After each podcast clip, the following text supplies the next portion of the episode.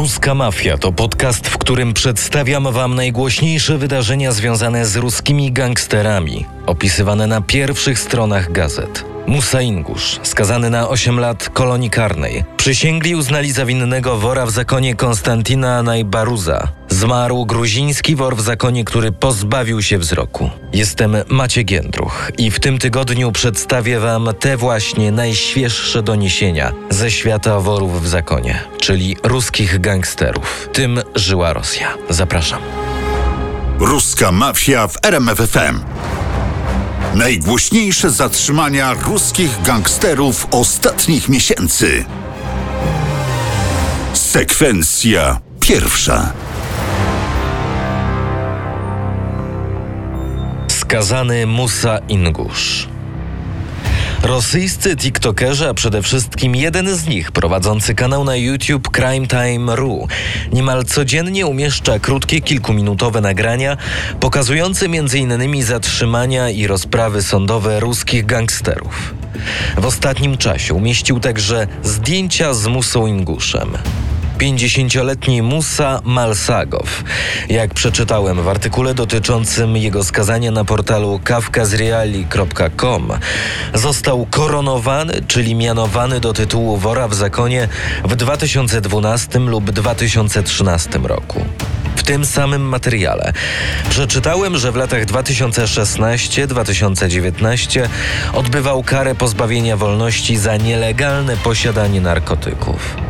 Wor w zakonie to szczególne miano w ruskiej gangsterce. Przypomnę jeszcze raz, jak zdefiniował je Jacek Hugo Bader, reportażysta i znawca Rosji.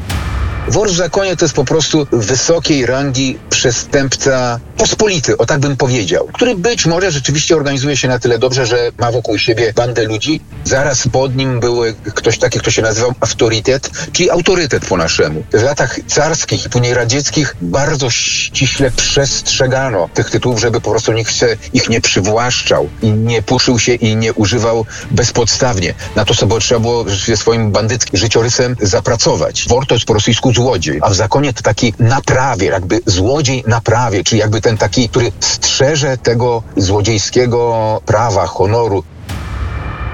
9 grudnia 2022 roku Stawropolski Sąd Okręgowy skazał Musę Malsagowa, pochodzącego z Inguszetii, znanego jako Musa Ingusz, na 8 lat więzienia w kolonii o zaostrzonym rygorze, a następnie rok ograniczenia wolności na podstawie artykułów o zajmowaniu wysokiego stanowiska w hierarchii przestępczej i w sprawie nielegalnego posiadania narkotyków. Na portalu Kawkaz Uzel EU jest dostępna krótka notka biograficzna tego przestępcy. Urodził się 8 marca 1972 roku. W latach 1991-1993 służył w rosyjskiej armii, po czym w 1994 prowadził dwie duże firmy. Takie notki posiada większość ruskich gangsterów, którzy zaczęli dorabiać się po rozpadzie Związku Radzieckiego. Nie wszyscy jednak zdobywali wyższe wykształcenie. Jak przeczytałem, Musa Ingusz w 2000 roku zdobył wyższe ekonomiczne wykształcenie. Według źródeł portalu Kawkaz Uzel studiował na Wszechzwiązkowej Akademii Handlu Zagranicznego w Moskwie. Ale co takiego zrobił, że został skazany? Jak przeczytałem na kawkazreali.com, zgodnie z tradycjami i zasadami przyjętymi w środowisku przestępczym, Malsagow wspierał subkulturę przestępczą. Najciekawsze jednak z tego, co przeczytałem, było samo postępowanie. Kawka z Reali poinformował, że od sierpnia 2021 roku do końca czerwca 2022 nie odbyła się ani jedna sesja merytoryczna sądu. Sędzia 14 razy ogłaszał przerwę. Dwukrotnie przekładano posiedzenia, w tym z powodu nieobecności samego prokuratora. Maslagow, według informacji opublikowanych na kanale Crime Time.ru, posiadał znaczne ilości narkotyków. To jedyne przestępstwo, o którym się mówi w artykułach i informacjach dotyczących Ingusza. Jak przeczytałem na portalu Kawkaz Uzel, Ingusz uczestniczył w działalności rosyjskiego Czerwonego Krzyża, a komentarze internautów pod artykułami sugerują, że rosyjska władza nie przepada za Inguszami i próbuje wrobić mu Slagowa. Tym żyła Rosja. Sekwencja druga. Skazany Kostia Kanski. 11 stycznia na portalu Kamersant została opublikowana kolejna informacja o skazaniu, również na 8 lat kolonii karnej. W Krasnojarsku skazano 57-letniego Konstantina Najbauera, znanego w kręgach przestępczych jako Kostia Kanski. Ten, jak przeczytałem, tytuł wora w zakonie otrzymał ćwierć wieku temu. Podobnie jak Ingusz, został skazany o zajmowanie najwyższej pozycji w przestępczej hierarchii. Na podstawie werdyktu ławy przysięgłych, która uznała go za winnego i niezasługującego na złagodzenie kary, skazano go na 8 lat kolonii o zaostrzonym rygorze z 15 możliwych na podstawie tego artykułu w rosyjskim kodeksie karnym.